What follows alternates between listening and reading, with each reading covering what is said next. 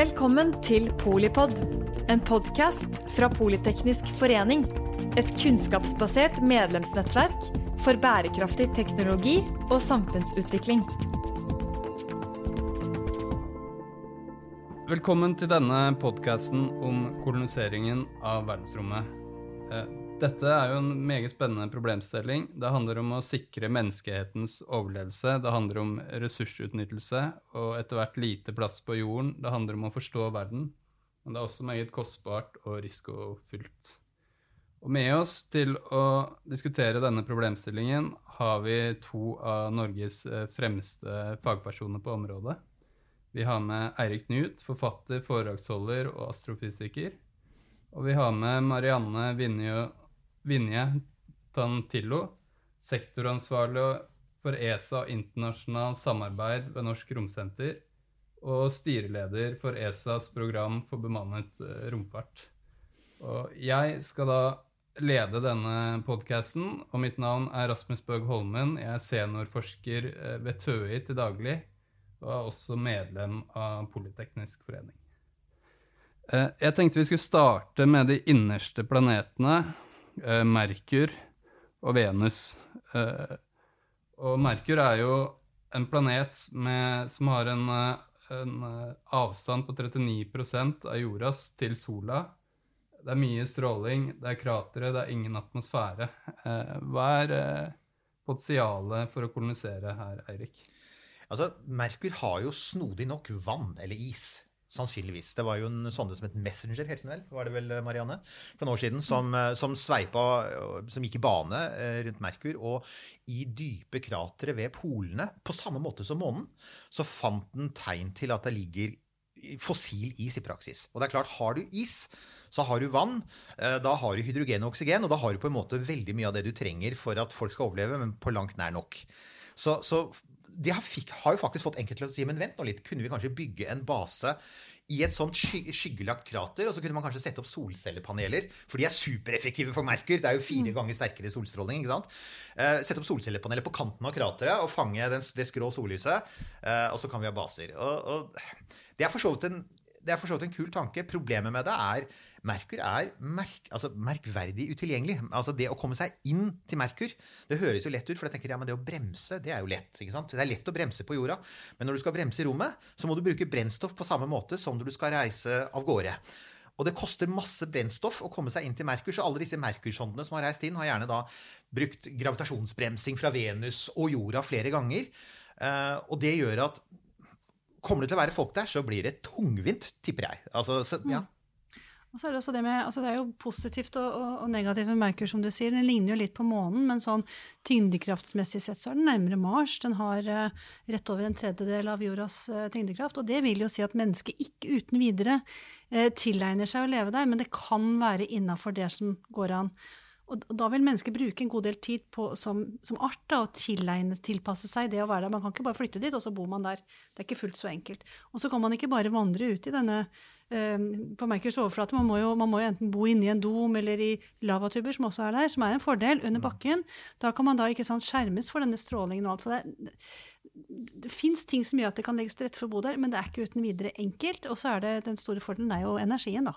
Rett og slett. Det er jo, det er jo der det ligger. Ja, og så er det Den ene tingen som Merkur mangler, og det er utrolig viktig, det samme, det er samme problem som månen har, den mangler et helt sentralt grunnstoff for å drive all all mulig slags næringsvirksomhet, for på jorda, og det er karbon. Altså, Merkur er karbonfattig, det er også månen. Det er, jo, det er jo det poenget som Elon Musk alltid kommer tilbake til med Mars, er at Mars har en CO2-atmosfære som er ganske lett å høste inn. Vi har allerede begynt, og det kommer vi sikkert tilbake til.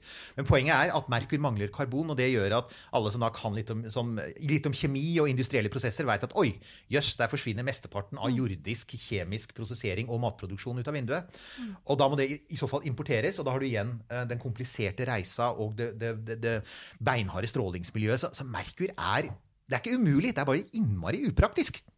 Neste kandidat her er jo Venus, da, som er 72 av avstanden til sola, men har en temperatur på eh, gjennomsnittlig 462 grader. Men de har jo også da en atmosfære som er tykk, og kanskje beskytter mot stråling og og solvinder. Eh, går det an å tenke seg flygende rombaser, eller er Venus en kandidat, eller er dette helt Altså, Venus er jo sånn sett ikke så langt unna. Um, og det er flere ting som er lik jorda på Venus. Um, jeg syns det er morsomt at Venus spinner motsatt vei. Uh, og så syns jeg det er morsomt at døgnet blir så langt. Så det, det, det blir jo sånn relativt konstante forhold da, på, på, overflaten til Venus. Den tida den er konstant, og så bytter den til det motsatte. Men um, det er både veldig kaldt og veldig varmt. Og hvis man skulle gjort noe der, så kunne det ikke vært på overflaten. Der er det for mye trykk. Da er det disse flytende byene. ikke sant? Og da er det litt sånn Hvorfor det? Nei, da, husker du da, altså For noen år siden var man veldig opptatt av Venus i forbindelse med dette med funnet av fosfin. Dette stoffet som kunne antyde at det kanskje var noe levende i atmosfæren. Nå har det vært mye diskusjon om det i etterkant, og forskere er Det, er, ja, det ser ut som konsensus nå i retning at antagelig er det en kjemisk prosess og ikke en biologisk. Men uansett, da var det man begynte å si, uh, å, å hente fram den tanken igjen. at Venus har denne ekstremt tette atmosfæren. Det er 80 ganger trykket på, på, jordas overflate, på Venus' overflate. Eh, 100 km over bakken så du, kunne du ha mm. svevende igjen svære ballonger, eh, svære luftskip. Og det er klart, Venus har én stor fordel, og den atmosfæren er jo i stor grad CO2. Det er derfor den bl.a. har den vanvittige mm. drivhuseffekten. Så der mangler du ikke karbon. Så for så vidt kan du si at i forhold til å ha en sivilisasjon som trenger råstoffer til f.eks. industriproduksjon, så vil jo Venus-atmosfæren by på i hvert fall lette stoffer. Der vil du slite med de tunge grunnstoffene. For det er klart, du, du, finner ikke mye stål eller du finner ikke mye jern i Venus' atmosfære. Type, ikke sant?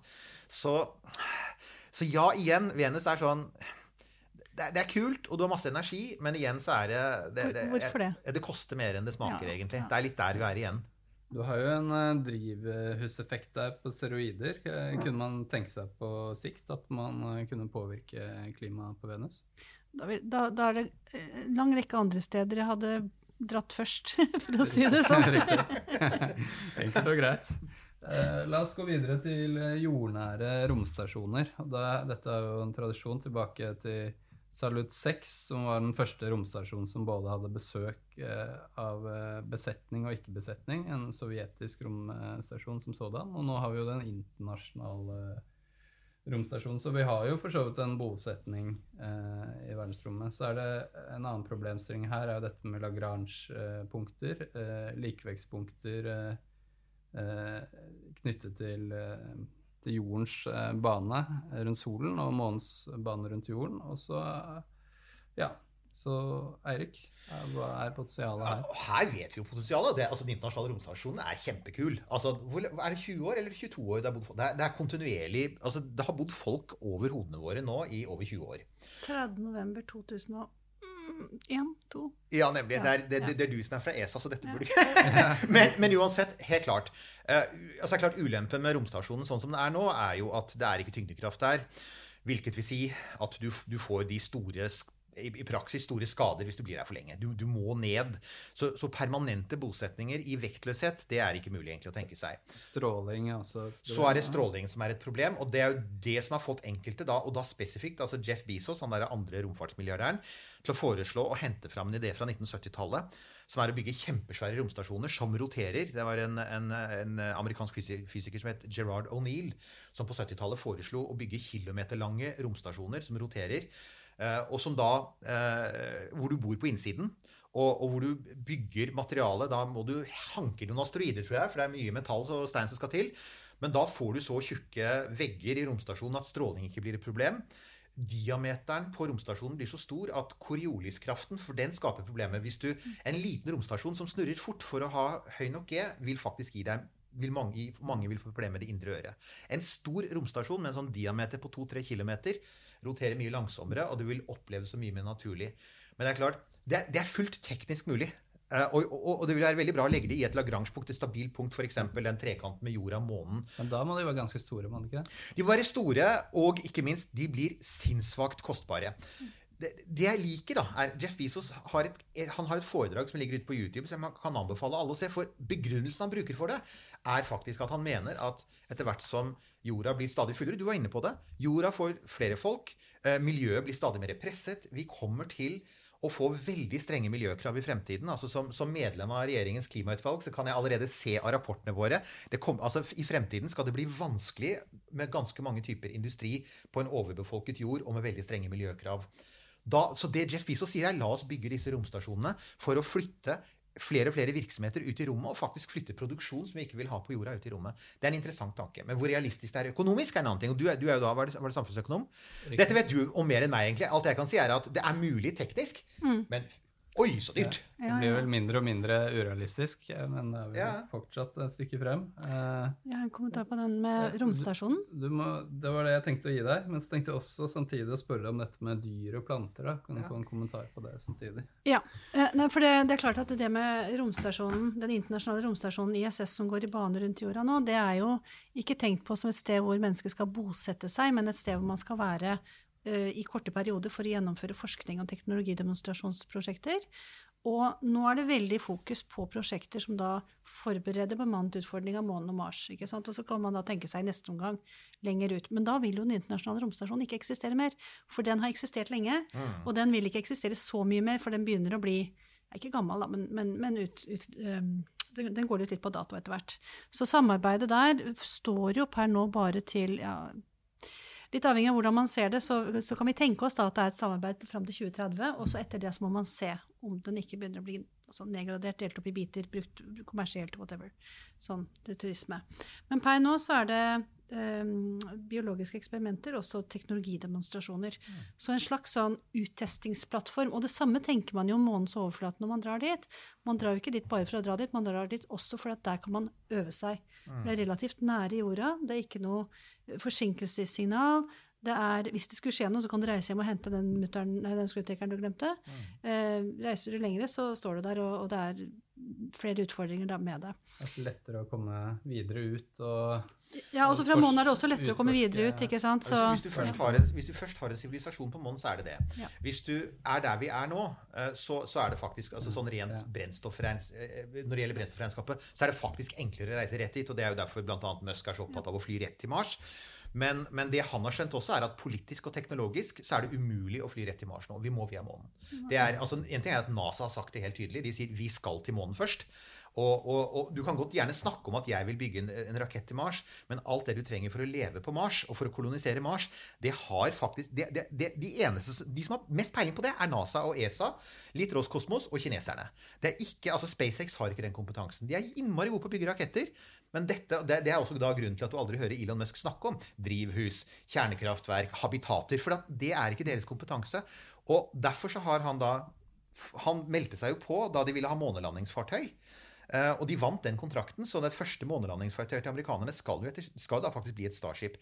En viktig grunn til det er han må også da lære å bygge et habitat på månen. For at den kommer også til å fungere som et habitat, eller som en bolig da, mens de er der.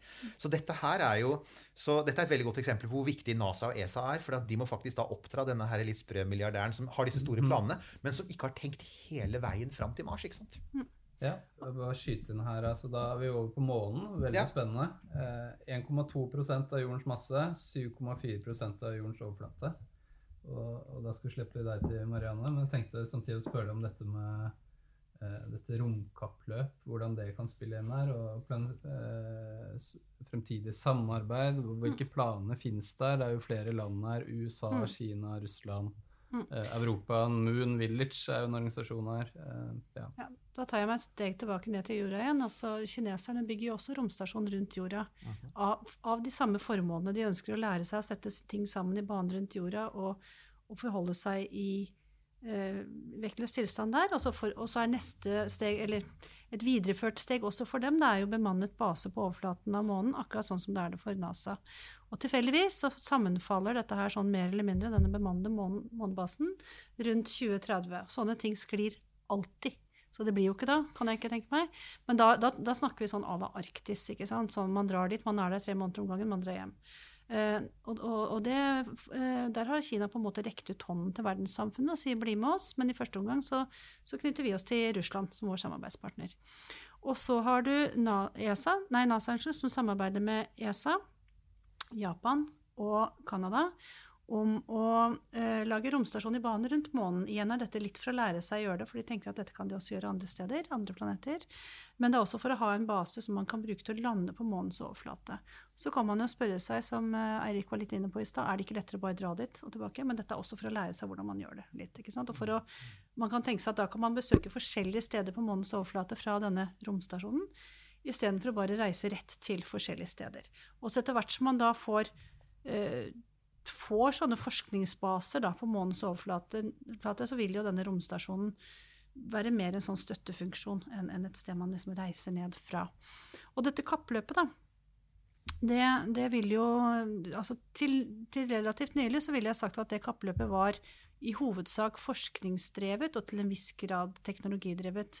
Nå i det siste så kan det fremstå som det er mer teknologisk drevet og også til en viss grad eh, stormaktspolitisk drevet. Men det er ikke veldig uttalt. Det er ikke det, altså, syns jeg. Eirik kan gjerne ja, nei, du, du, har helt rett. Det er innmari vanskelig å vite. Altså, vi, vi, er, der har du forskjellen på, på, Kina, som på mange måter forholder seg til måneprogrammet sitt som Sovjetunionen i sin tid gjorde. Altså, Sovjeterne nektet for at de hadde det. Det gjør ikke kineserne. Men det er veldig mye hemmelighold.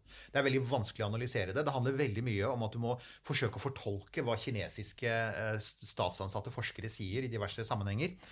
Og her, her er det jo en, altså, det er ingen tvil om at kineserne vil til månen, og at de vil bygge en base, at de vil ha, ha mennesker på månen. Og de har, de har et ganske ambisiøst måneprogram. Skal minne om det. De har landet, altså de har landet en haug med eh, altså De har sendt mange romsonder dit. De har landet på månens bakside for første gang. Eh, det er mulig at de kommer først til månens poler før, før amerikanere. Kommer litt an på. Um, men, men NASA og ESA har én gigantisk fordel, og det er det kommersielle måneprogrammet som de har satt i gang. Det er bedrifter hele, i hele Vesten. Eh, det er altså dette CLPS, er det vel amerikanerne kaller det, altså NASA sitt program, som altså hele tiden altså, Og, det, er noe, det, er ikke science fiction, det skjer nå. Så f.eks. omtrent mens dette tas opp, så skal da eh, romselskapet Rocket Lab, rakettselskapet, det newzealandske opprinnelig, med Peter Beck, som da er liksom New Zealands eh, Elon Musk, de skal skyte en bitte liten satellitt til månen. Den skal gå inn i den samme halobanen som, som Gateway-romstasjonen er planlagt å gjøre. Og det gjør NASA. De har betalt dem for å gjøre det, for å teste at den banen faktisk stemmer med simuleringene. Og, og, i årene som kommer, så skal det sendes rovere, det skal sendes små fabrikker til månen som skal produsere, forsøke å produsere metall og oksygen av, av, støvet på månen. Du skal lete etter is, du skal sende rovere ned til polene for å bore etter is. Det skal skje så mye. Og det, liksom, den kraften som ligger i at vi faktisk har et stort privat næringsliv, som kineserne faktisk ikke har Jeg tror til sjuende og sist og der, Det er en stor forskjell på, på Apollo og dette. For Apollo var veldig sentralstyrt. Dette er mye mer desentralisert. Spennende. Før vi tar en uh, ny månerunde, så tenkte jeg å løfte opp uh, noen uh, problemstillinger her. vi har dette Hvor er det bosetning skal være? Er det på overflaten sånne kupler man ser på science fiction-filmer? Er det i, i kratere, eller er det inne i lavakorridorer? Ekvator, polnev? hva med disse utfordringene med stråling, ingen atmosfære, meteorer? Eh, det er jo enorme fraktkostnader. Og så har vi jo det med, med vannis har vi her. Vi har helium-3 fra solvinder, som er lite på jorden, som jo er en, eh, interessant, en interessant naturressurs som kan brukes til kjernekraft eller medisinsk eh, teknologi osv. Så, videre. så er det jo mm, mye man kan tenke her. da, Hva slags andre naturressurser er det man Eh, kan utnytte her. Hva med romturisme? og Hvordan ser man for seg et sånt samfunn på månen kan uh, samspille med samfunnet på jorden på sikt? Det var mange problemstillinger. Mm. Marianne? Jeg tror i første omgang at de som utforsker månen nå gjør det som for å utvikle en slags rasteplass på vei til Mars. Både politisk mm. og teknologisk. Og det er fordi at når man skal sende opp noe fra jordas overflate, så har vi jo tyngdekraft som er én. Når vi skal sende opp noe fra månens overflate, så er det tyngdekraft som er en sjettedel av det. Ergo er det mye enklere å sende opp ting fra månens overflate, gitt at man har infrastrukturen der. ikke sant? Og der er det også vannis, sånn at eh, hvis man kan spalte det opp i hydrogen og oksygen og så lage rakettdrivstoff av det, så har man i praksis en slags bensinstasjon på månens overflate. Man kan også se for seg å 3D-printe ressursene som er der, altså måneregolitt eller ja, hva man nå gjør ut av det, og, og 3D-printe det til, til, eh, til bestanddeler, da, til raketter eller fartøyer i verdensrommet. Så Eh, men det å, å, bo på månen som sådan er jo ikke noe mål i seg selv, egentlig, i de utforskningsplanene som er nå. Det er mer å bruke det som er der, for å komme seg videre ut. Og da er det jo Mars som på en måte er målet. Um, men det er klart at hvis man ser for seg at dette skal bli en, en kommersindustri, da, som jo er noe noen av disse rikingene som ikke nødvendigvis rikingene, men de som satser på lunar economy, ser for seg, så er det jo snakk om at det er fordi det er et industrielt slags samfunn der. Mm. Men man ser jo ikke for seg at det skal være liksom, familier som bor, og barn som skal vokse opp og alt dette her. Det er jo mer en sånn slags arbeidsplass. Så er man der en stund, og så kommer man tilbake igjen. ikke sant? Mens når man da reiser videre ut, så er det jo alt dette her rundt uh, hvem skal reise, uh, er det rike mennesker, er det fattige mennesker, hvem skal velge dem ut, er det hvordan, kan barn i det hele tatt vokse opp? Blir det selvdrevent? Og, og, det er jo først da man kan egentlig begynne å snakke om en, en, en, eh, en struktur, en, en, styringsstruktur rundt det. ikke sant? Når du har et samfunn som, som før seg sjøl, som liksom på en måte klarer å regenerere seg selv. da. Det øyeblikket du hele tiden må sende arbeidsstokk dit. Så ligger og mange generasjoner frem i tid. Mange, og, det, og det ikke bare mange generasjoner, men mange hundre år. Ikke sant? Så, så det, det, er et sabla langt løp. Og, og innen du kommer dit på månen, så har du allerede på en måte begynt å tenke på det på Mars, for der, der blir det en helt annen dynamikk, på grunn av, spesielt pga. tidsforsinkelsen i, i, både i å reise dit ja. og, og, i å kommunisere. Der, må ting skje på en annen måte. Det gjør det, men, men Mars har altså, En av grunnene til at det har vært så mye fokus på Mars, er Nå vet vi ganske mye om både Mars og månens geologi, og det blir mye geologi, for det er ikke noe biologi der, antagelig. og um, Mars har rett og slett en mye mer kompleks geologi, og det er en god ting. Så igjen, Mars er i utgangspunktet så har det altså en karbonatmosfære. Men vi vet allerede nå at Mars har enorme ressurser av vannis. Mars har metan. Uh, Mars har Vi har begynt å finne metallforekomster. Vi vet omtrent hvor de er. Uh, og det er Rust. Hva? Rust. Ja, altså En ting er at overflaten er rusten, men man leter jo også etter andre typer metaller. og Man har begynt å kartlegge dem. Og, og det gjør at altså, Mars alt i alt, selv om det er milevis fra å ligne på jorda, det er ikke det. Og hvis du snakker med jordiske, altså geologer som altså, Det var en norsk geolog som hadde sett på begge planetene, og som han sa Mars har gørrkjedelig geologi. Og det er helt sant, helt til du ser på månen. Da, da ser du virkelig gørr. Men, men allikevel så har Mars et mye større potensial for å utnytte, for å, for å ha en drivverdig sivilisasjon. Det er mye lettere å finne tilgjengelige mineraler, mineraler og metaller. Og det er selvfølgelig ekstremt viktig fordi at avstanden er så stor. Men selv om avstanden til månen, månen, er kortere, så har du denne gravitasjonsbrønnen. Mm. Uh, vi, vi, kan ikke ha en månesivilisasjon som baserer seg på import fra jorda. Det blir bare altfor dyrt. Så, den, så, jeg er helt enig med deg. Jeg tror at månen kan bli en mellomstasjon. Det kan bli, det kan bli et sånt ensidige industristeder som vi pleide å ha i Norge før. altså En, en bygd som stort sett lever, de finnes fremdeles, som stort sett lever av én type virksomhet. Ja, f.eks. som det har vært foreslått. Hvis du, finner, uh, hvis du bygger store nok solcelleanlegg på månens overflate, så kan du f.eks. Um, eh, skyte opp fra med den lave gravitasjonen, og fordi det ikke er noe luft, så kan du altså faktisk skyte opp um, cargo, eller last, i bane og ut i solsystemet med kun elektromagnetisme. Altså Du kan jo faktisk lage slags elektromagnetiske kanoner, for du har jo ingen fartsbegrensning på månen. Og da har du plutselig en måte å produsere metall ikke sant? Og, og, og, altså ulike typer metaller og mineraler, byggematerialer, til disse, disse, store romstasjonene til Jeff Bezos. Et eller annet sted skal det stoffet komme fra. Det kan ikke komme fra jorda. Men, og jeg vet at de ser for seg f.eks. at du kan bygge svære produksjonsanlegg på månen som rett og slett bruker energi til å smelte om byggeklosser, sender det opp i riktig bane, men kun med elektrisk strøm. Det er en sånn ting som månen kan gjøre. Men Mars er på en måte stedet vi må til hvis du tenker at du skal ha en rik sivilisasjon med byer og familier og, og, planteliv og sånne ting, så er Mars et mye bedre enn et sted pga. geologien. Da, vi, da, snakker vi mer om Mars, tenker jeg. Og det er jo da en planet med masse på 15,1% av jordens, 52 eh, lenger unna. De har jo da en temperatur mellom 35 plussgrader og minus 43 minusgrader. Eh, og et snitt da på minus 63. Da. Så hvor er det en sånn eh, koloni burde finne sted, og hvor, eh, hvordan gjennomfører man det teknisk? Er det på ekvator, er det ved poler, eh, sånne lavatuber, eller så har man kratere, det er Hella Planitia, eller hva det heter. Det er vel et stort krater, det har vært diskusjoner. Eller er det en grotte? Hvordan, hvordan gjør man dette? Det, det finnes jo altså du, du, Der ute, hvis folk googler, så vil du se at de har allerede Innad i SpaceX, som er de som snakker mest om å kolonisere Mars, så har de allerede begynt å legge planer for hvor de tenker seg at det, det vil lønne seg å legge den første kolonien. De vil ikke legge det på polene. Det har mye med eh, tilgang til solenergi å gjøre. For da får du dette problemet med at vinkelen på sollyset blir veldig lav. Altså, og Mars har en atmosfære med mye støv. Eh, du vil helst ikke være på ekvator, for da er du antagelig for langt fra de områdene som faktisk har mye is under bakken. Og det man har oppdaget, er at Mars helt ned til hva er det, 40, helt ned til ca. 40. breddegrad nord og sør på Mars, så vet man nå at det finnes is, altså store isforekomster under bakken som vi kan detektere. Og man vil gjerne posisjonere seg nær disse, for det er helt nødvendig for en koloni. Så, uh, så det, er, det, blir i nordområdene. Ja, blir, altså for Mars er en todelt planet. Den sørlige delen av Mars er stort sett veldig mye store kratre og veldig mye fjell. altså veldig ulendt. Nordområdene det var der havene var før. Det er mye slettelandskap. Det er lett å lande der. Og det er antagelig ganske lett å faktisk begynne å grave der og finne is. Så det blir antagelig, den, det blir antagelig et eller annet sted rundt 40 grader nord på den nordlige halvkule.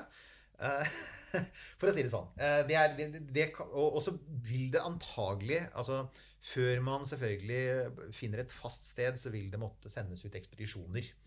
Uh, og det er jo der uh, Så når da f.eks. SpaceX har snakket om at de skal bosette folk på Mars, så snakker de jo først om å sende ut bemannede ekspedisjoner som skal utforske disse områdene raskt. Fordi at rovere kan gjøre en god jobb, men de er fryktelig langsomme. ikke sant? Altså, Perseverance er en fantastisk maskin, men jøss, yes, det, det, går ikke fort. Og, og, et team med astronauter med masse utstyr vil f.eks. i løpet av en måned kunne gjøre enormt mye arbeid med å kartlegge hvordan et sånt område vil være. Så Marianne, her er det jo uh, ulikt med ressurs... Hva er ressursgrunnlaget her? Uh, ressursutvinning, hva, hva, er det man kan utvinne? Hva er man avhengig av? Sånn is og materiale. Hvordan er dette med fraktkostnader og vanskeligheten med å komme frem og tilbake til jorden? Hva er det å si? Hvordan, altså, uh, hvordan skal man bygge industri og utvinne energi på Mars? Det, det interessante, store problemet er jo mat. Fordi at Til å begynne med så må man ha med seg den maten man skal spise. Ellers så går det ikke. Det er ikke noe mat på Mars. ikke sant? Medisiner.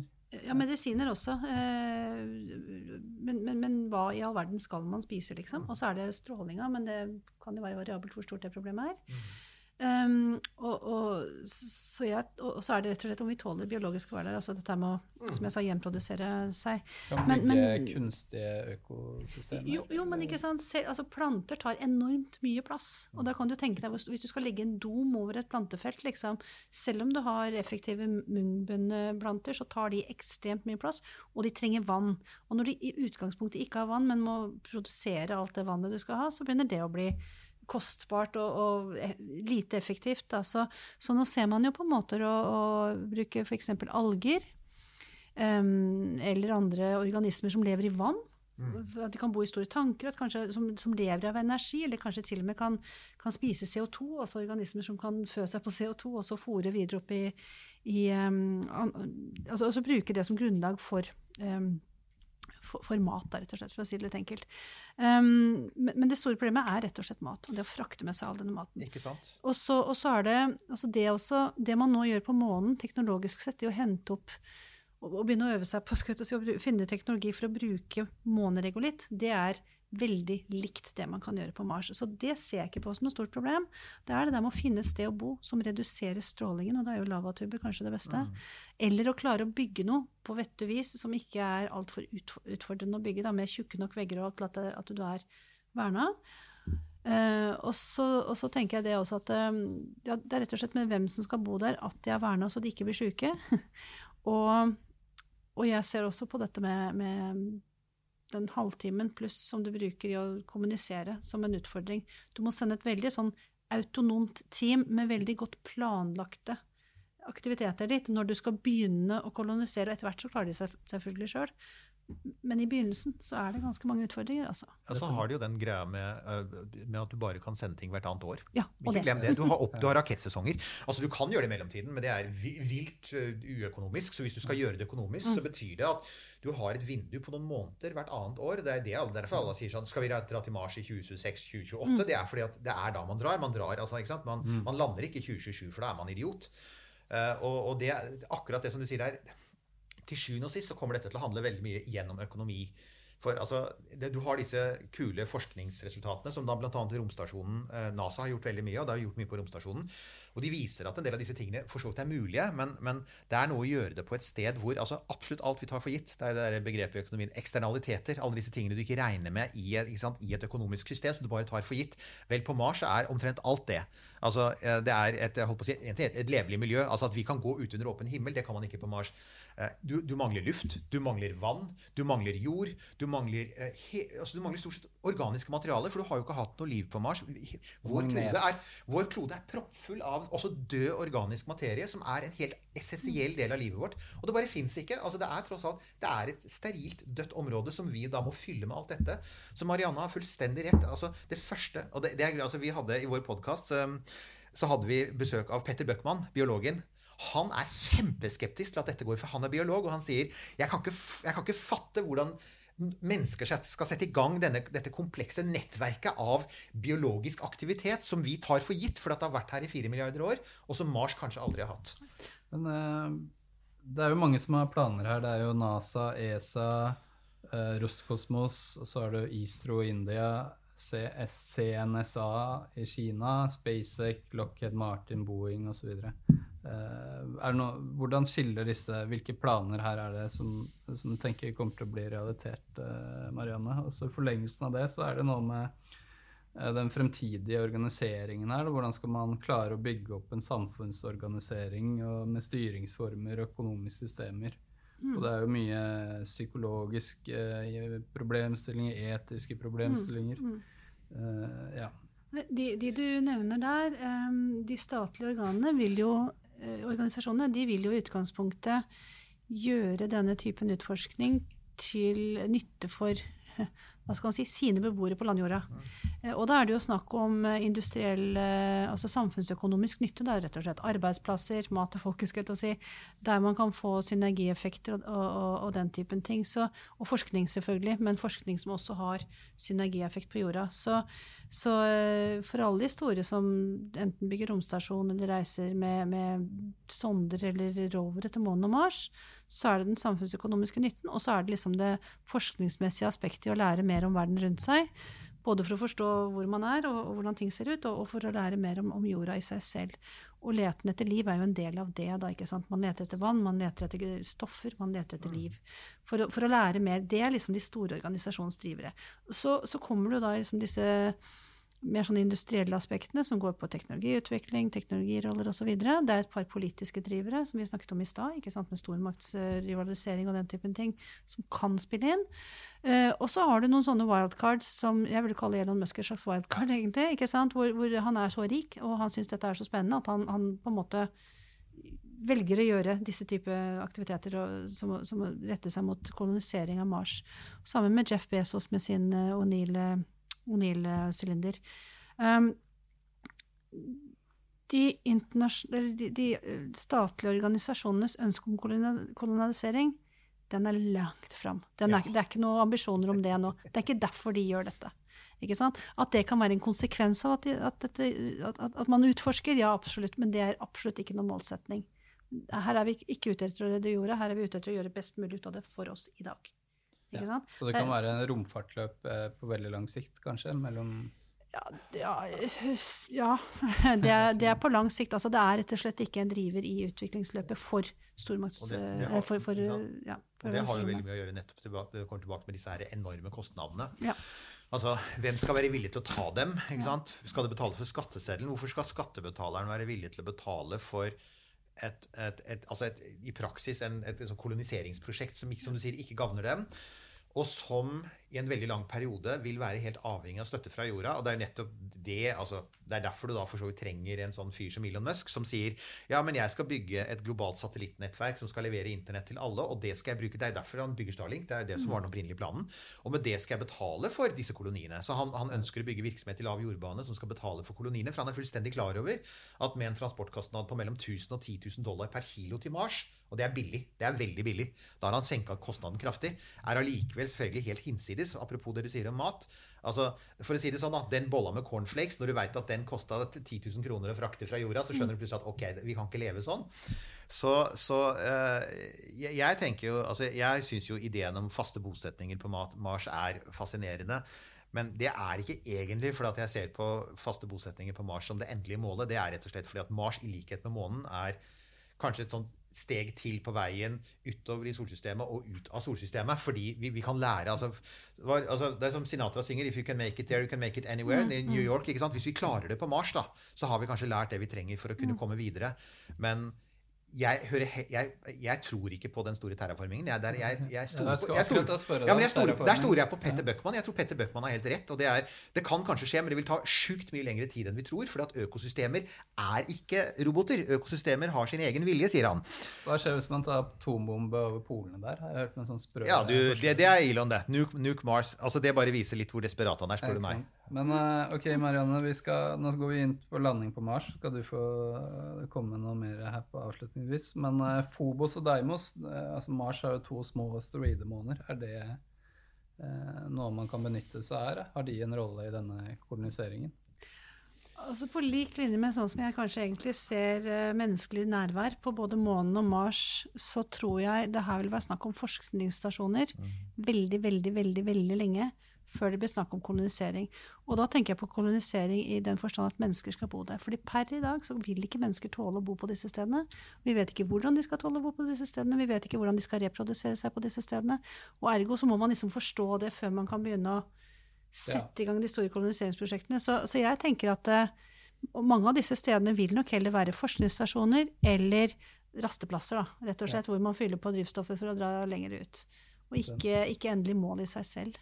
At vi prøver å gå lenger ut, det tenkte jeg vi skulle gjøre nå. Da må vi jo da bevege oss frem, eh, lenger inn i fremtiden og bli litt mer spekulative. Og det neste vi kommer til, er, jo da eh, asteroidebeltet. Eh, der har vi Ceres, en nedgradert eh, planet, nå dvergplanet, eh, Ja, den er jo ikke egentlig lenger enn asteroide. Det er jo det. Det er, 0,16% av jordens masse. ja, det er vel Vesta, er det ikke det, som er den eh, den største største, asteroiden? nå Ja. som Ceres er oppgradert til dvergplanet. Og så har vi da noen jordnære asteroider, Ganymed, Eros. Og det er jo mye, mye metaller her, og det er også snakk om jordens sik sikkerhet på jorden i forhold til nedslag. Eh, hva, hva blir, ser dere for, for dere fremtiden her, hvis man ser ganske langt frem i tid? da? Altså, det er jo ganske Det er jo ikke svære verdenssamfunn det er snakk om, da. Det er, og det er jo også snakk om å kanskje potensielt le, oppholde seg inni dem og sånn. Igjen, jeg tror det blir mer sånn midlertidig, og at de større koloniene blir heller på, på større steder. Da. Rett og slett fordi det er mer kostnadsbesparende i den grad det går an å kalle det. Nei, altså Det mest interessante med det er nok at de kan tjene som råstoff. Ja, det kan de. de kan bli, altså Man har jo sett for seg, helt tilbake på 70-tallet, så man for seg en slags sånn solsystem-vid-økonomi. Mm. altså Man så for seg at etter hvert som eh, månen, Mars eh, og kanskje fjernere steder ble kolonisert, så vil du få en, en, en sol, solsystemøkonomi. Men, men igjen, da. Det er, noen, det er noen sånne grunnleggende problemer med det. og Det er bl.a. avstanden. Det er, altså avstandsaspektet. Det er kostnadsaspektet. Og da kommer jeg alltid tilbake til jeg tenker sånn Er det mulig å se for seg for altså Vi skal ikke glemme en ting. Ja, ja, Av og til snakker vi om at det er ressursmangel på jorda. Jorda er i all hovedsak så er det metall og mineraler. Det er innmari mye her. Det meste av det vi mangler på jorda, kan vi faktisk finne ved å bare grave litt dypere, for å være helt ærlig. Så hvor realistisk er det da at eh, noe som er sånn 500 millioner kilometer unna, i et strålingstungt miljø og ekstremt kostbart og vanskelig å få til, hvor realistisk er det egentlig at det skal kunne konkurrere økonomisk med noe som faktisk er utviklet på jorda, eller i lav jordbane, eller på månen? Og da har jeg tenkt at liksom jord-månesystemet kommer til å ha så mange konkurransemessige fortrinn at jeg, jeg sliter litt med å se jeg, altså jeg, jeg, tror på, jeg tror utforskning, det er ikke det. Jeg tror utforskning kommer. Men den ideen om at du skal oppstå en sånn slags solsystemøkonomi, der du får sånne uavhengige økonomier altså Jeg har forsøkt å finne rapporter folk, Jeg har forsøkt å finne økonomer som har, altså som, som har sett på Mars, da, som er det mest lovende. Og jeg har ikke funnet én seriøs økonom som har satt seg ned og forsøkt å finne ut hvordan en, en Mars-koloni skal få, bli en selvgående økonomi. Altså faktisk finne noe å leve av. Finne ressurser nok til å ikke bli avhengig av overføringer fra jorda. Um, så ja, sånn Apropos styresett og økonomi på Mars. For øyeblikket så er vi helt på det ville hav. Vi- Ingen har den fjerneste anelse. Det eneste vi har planer for, er utforskning. Mm. Det, ja. Så det er jo kanskje mange, om ikke mange hundre, så mange flere tusen år og sånn vi snakker her, da. Eh, og da, og det gjør vi jo i hvert fall når vi beveger oss enda eh, lenger ut. eh, hvor vi har eh, Jupiters, uh, guden Jupiters fire elskerinner, som er den største måner. Du har jo Kalisto litt lenger ut. Ganymedes begynner å bli mye stråling. Europa, der, den er jo vannis, da, mye stråling. Og så har du Io, en slags lavaplanet eh, lengst inn der. Og så lenger ut så har du jo eh, Titan, et eh, tilbakeblikk til jordens fortid og muligheter i fremtiden, sier noen. Veldig langt frem i tid. Enceladus, en, en liten måne med geysirer og rennende vann. Og så er det Titania og Triton da, utenfor Uranus og Neptun. Og så er det kanskje andre eh, interessante måneder her som jeg ikke har nevnt. Eh, Glem Jupiter. Seriøst. Jeg, vi, satt, vi hadde en sending på Europa som er veldig spennende, for det er mulig, altså Man lurer på om det kan være liv under isen. Og så satt jeg så på altså, eh, hvor høy er strålingen, og hva var det jeg kom til? Altså At LD50, altså 50% dør. Det er, er det noen timer eller noen dager? Det er ekstremt, det er helt vilt. Og, og det betyr også at hvis du skal sende en, en, en, en, en sonde ned på Europa så må den jo, altså, De vet at, altså, de, de gidder ikke å putte et kjernekraftverk i den. De kan putte et sol- solceller på den, for den skal uansett ikke leve så lenge. Men Så- inne inni vannet der, kanskje? ja, hvis du skal ned under vannet, men du har fryktelig kort tid på det. Uh, strålingen er helt, helt crazy høy, Uh, og ikke kompatibel med, uh, med, med jordisk liv i det hele tatt. Så altså, man har jo snakket om, om eh, som sier, den titan, fordi eh, altså, den, har en, en altså, den har en interessant biokjemi. Altså ikke biokjemi, men organ, altså, det er mye organisk materiale der. Det er jo ikke biologisk, men det er organisk materiale der. Det er sånn tjærestoffer og metan og uh, Så der Man har jo faktisk sett for seg det litt som en sånn bensinstasjon i det ytre solsystemet. Men der har du igjen dette med sånn altså, Og det er lett å sånn glemme. Altså, husk på at den bensinstasjonen, den, er, den står der. Og hvis du da skal dit, så hjelper det deg ikke. ikke sant? Og, og Saturn står på et bestemt sted. Den flytter seg jo, men, men det er en bitte liten prikk i et veldig stort univers, og kanskje du vil alle andre steder. Så det er som en bensinstasjon som mesteparten av tiden ligger på helt feil sted, og veldig langt unna. Så, så ja, du kan, men um, det jeg tenker, altså jeg syns kanskje den nyttigste visjonen her, det er derfor jeg kommer litt tilbake til disse store roterende romstasjonene til Jeff Bezos, det er jeg, altså, jeg, jeg sliter med å se for meg disse her faste koloniene på overflatene til disse himmellegemene som er så grunnleggende fiendtlige til menneskelig liv. Derfor så tror jeg, altså, har jeg, større, jeg har større tro på at vi kan, kan- altså som med romstasjonen, da, for det gjør vi allerede. Vi skaper jo faktisk et lite mikrokosmos. Og, og selv om det er dyrt, og selv om det er mye som ikke er veldig sunt med å være lenge på romstasjonen, så har vi faktisk demonstrert Jeg liker jo den tanken. Vi har demonstrert det. Det, det, det bor jo folk der, så vi har jo klart å skape en boble av menneskelig liv svevende i rommet. Og det tenker jeg, men det er en interessant tanke. Hvis vi kan forstørre den, rotere, få tyngdekraft, at vi kan få en sivilisasjon som er i bevegelse, altså store skip, det ser jeg faktisk kanskje som mer realistisk i et lengre perspektiv enn den tanken med at vi skal liksom bygge hus på alle disse planetene som bokstavelig talt hater oss. Du skal få kommentere på disse månedene du Ja. og Marianne. Eh, Men, eh, men eh, for å fortsette på det Eirik sier nå, da, så er det jo det er jo dette med å bevege seg ut i, til andre solsystemer, da. Andre stjerner er jo et tema. Eh, Ut forbi Pluto, Eris og Cooper-bildet og det ytre solsystemet. Da er det jo enormt, da. Det er jo eh, fire-fem lysår til eh, nærmeste stjernesystem, Alfa Centauri, som er mange stjerner. Og så har du Bernhard-stjernen, eh, seks eh, lysår eh, borte. Og det er jo ikke akkurat eh, gjestmilde, mange av disse stjernesystemene. Eh, Og det er jo, hvis du skal sende, sende meldinger hjem, så blir det kanskje best, eh, barnebarna til de du sender til eh, Mm. eh, som mottar meldingen. Og Andromeda-galaksen den er jo da 2,45 millioner lysår eh, unna. Til sammenligning så har mennesker da levd i rundt Det moderne mennesket eksisterte i rundt 300 000 år. Så da er det kanskje en annen art som eh, mottar eh, meldingene. Så hva, hva tenker du er fremtiden her på Altså, jeg er jo veldig enig i det Eirik sier, ikke sant? om at istedenfor å sette en hytte på enhver fjelltopp, liksom, med, hvor det er ugjestmildt å være, og hvor liksom ikke noe ligger til, til rette for at menneskeheten skal, skal kunne bo der, så er tanken på dette med å ha store skip uh, med plass til masse mennesker, og de er store, og de tilpasser seg mer sånn som det er på jorda, for at mennesket ikke må endre seg for å være der. slags generasjonsskip? Ja, ikke sant? At, at, at det er på en måte altså, det, det er en fin ting. Og så kan man tenke seg da at når man klarer å bygge disse her, om det da går via Mars eller via måneder, hvordan man velger å få, få bygd dem, og så bruke dem til disse lengre reisene. Da må man selvfølgelig uh, løse fremdriftsproblemet, men innan vi klarer å lage en sånn stor, uh, en sånn, en sånn stor stasjon, så klarer vi å løse fremdriftsproblemet òg. Ja. Da har vi kommet hit, ikke sant. Og da er det jo snakk om uh, skal vi sende generasjoner av mennesker som skal være altså, Hva er formålet? Er formålet å komme et sted og finne ut hva som er der? Er formålet å huse mennesker på ferden også for å redde menneskeheten. Skal vi lete etter et nytt sted for disse menneskene å bo? Skal man ha med seg embryoer?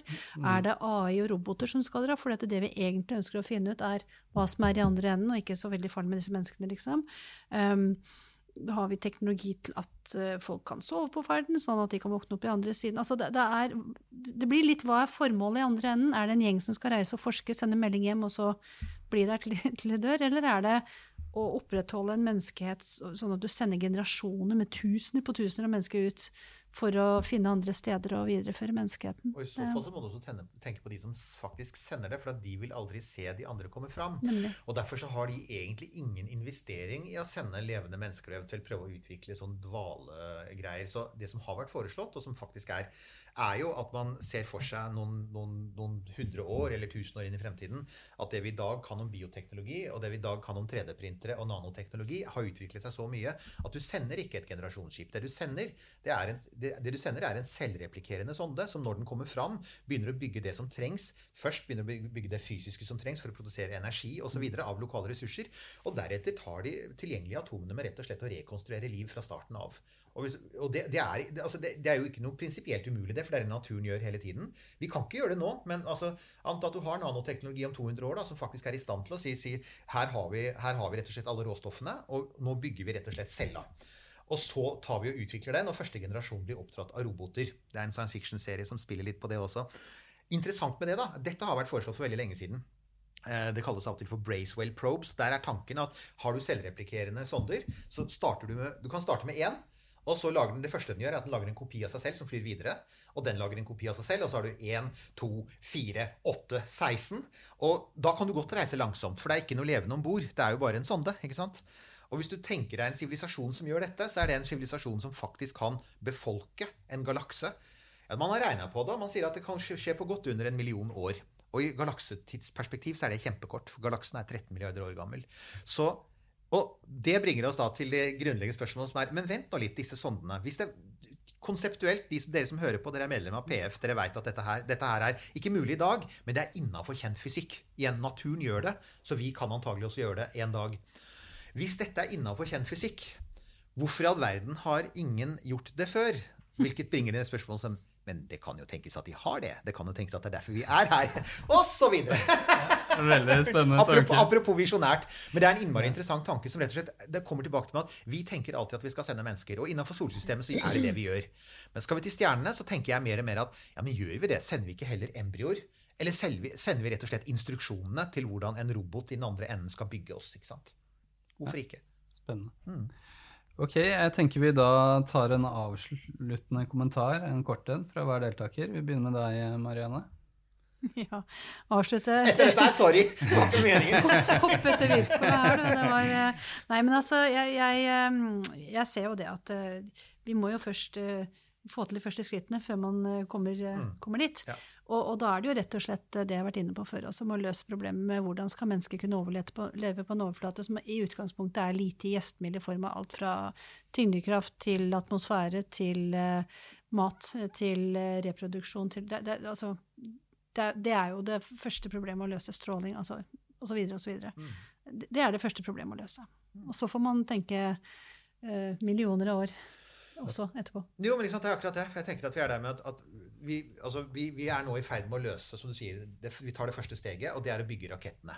Og, og det, det, kan vi. Vi vet nå hvordan vi skal lande på Mars. NASA gjør det nå rutinemessig på en veldig effektiv måte. Um, men det er bare starten. Og vi har liksom tatt en, altså når, vi har bygd, når, når vi har bygd den store raketten som tar oss til Mars, så har vi gått 1 av avstanden. Alt det andre som skal skje, som du sier, alt som trengs for å leve der. All matproduksjonen, all, all produksjon, 3D-printingen, materialvitenskapen, nanoteknologien, medisinene som du var inne på. Du trenger medisiner. De skal lages der. ikke sant? Alle disse tingene. Og kanskje til og med det vi oppdager. Hvis vi faktisk finner en bakterie på Mars, kanskje det er noe DNA der vi kan bruke. Altså Alt det teknologien kan, gi oss som ikke vi kan se, tenker jeg. Så jeg mistenker at, at, vi er på vei ut i rommet, men underveis mens vi går, når vi liksom er forbi rakettstadiet, for det kan, vi, det, det kan vi se, så er det alle de andre stadiene hvor vi må, vi må utvikle ny teknologi for å overleve. Det er de som kommer til Uh, det, er der, det, er der, vi får se de mest spennende tingene. Så, altså, de mest spennende tingene, som alltid med teknologi, det er det vi ikke kan se i dag. Og dessverre så kommer ikke vi tre som sitter her, til å være her. Men det er, for, det er fremtidens generasjoner. Jeg tipper at vi vil se noe helt som for oss vil se ut som magi for å løse disse problemene i rommet. For vi er selvfølgelig, vi er begrenset av vår egen teknologi. Vi ser for oss, når vi ser for oss noen mennesker på Mars, så tenker vi liksom sånn 60-tallet. Vi tenker disse metallrørene som NASA har. Men hva om det er noe helt annet? ikke sant? Om to generasjoner. Det kommer en eller annen dings eller en teknologi vi ikke kan se nå. Jeg tror, jeg tror det. Jeg, mm. Du sa noe om metallrør. Jeg har liten kommentar til det. Jeg hørte, Da jeg var i USA på en oppskyting nylig, så hørte jeg hvorfor Falcon 9-raketten er så stor som den er. Og det er fordi det er det bredeste en transportfartøy på veiene i USA kan være. Ja. Når de frakter den raketten liggende. Så det er det som begrenser hvor stor den raketten er, som da skyter opp mennesker til romstasjonen. Ja, ja, og det, det, er sånne føringer som på en måte rammer oss inn. ikke sant? Nei. Eh, det hadde vært morsomt å se en eh, fotballkamp mellom de som var på Mars og de som var på jorden, og se hvordan disse gravitasjonene og oppvekst og sånn Marsboerne ville vinne alle hodekampene. Alle, alle veldig bra hodekampene, men ikke så sterke, kanskje. Nei, nei, nei, det taklingene ville de dø av. Ja. Men det har vært utrolig spennende å snakke med dere. Tusen takk til Eirik Knut, astrofysiker, formidler og forfatter. tusen takk til Marianne Vinje Tantillo ved Norsk eh, Romsenter. Eh, mitt navn er Rasmus Bøg Holmen. Jeg er Politeknisk forenings representant i denne podkasten og jobber til daglig ved TØI. Så når dere som lytter ser opp på himmelen eh, nå om kvelden, så kan jeg tenke at er her vår fremtid ligger, eller i hvert fall våre barnebarns fremtid. Så tusen takk til dere som hørte på. Du har hørt på Polypod om kolonisering av verdensrommet. Takk for oss. Takk for at du lyttet til Polipod fra Politeknisk forening. Få med deg flere episoder, eller bli med på nettverksmøtene som du finner på at polyteknisk.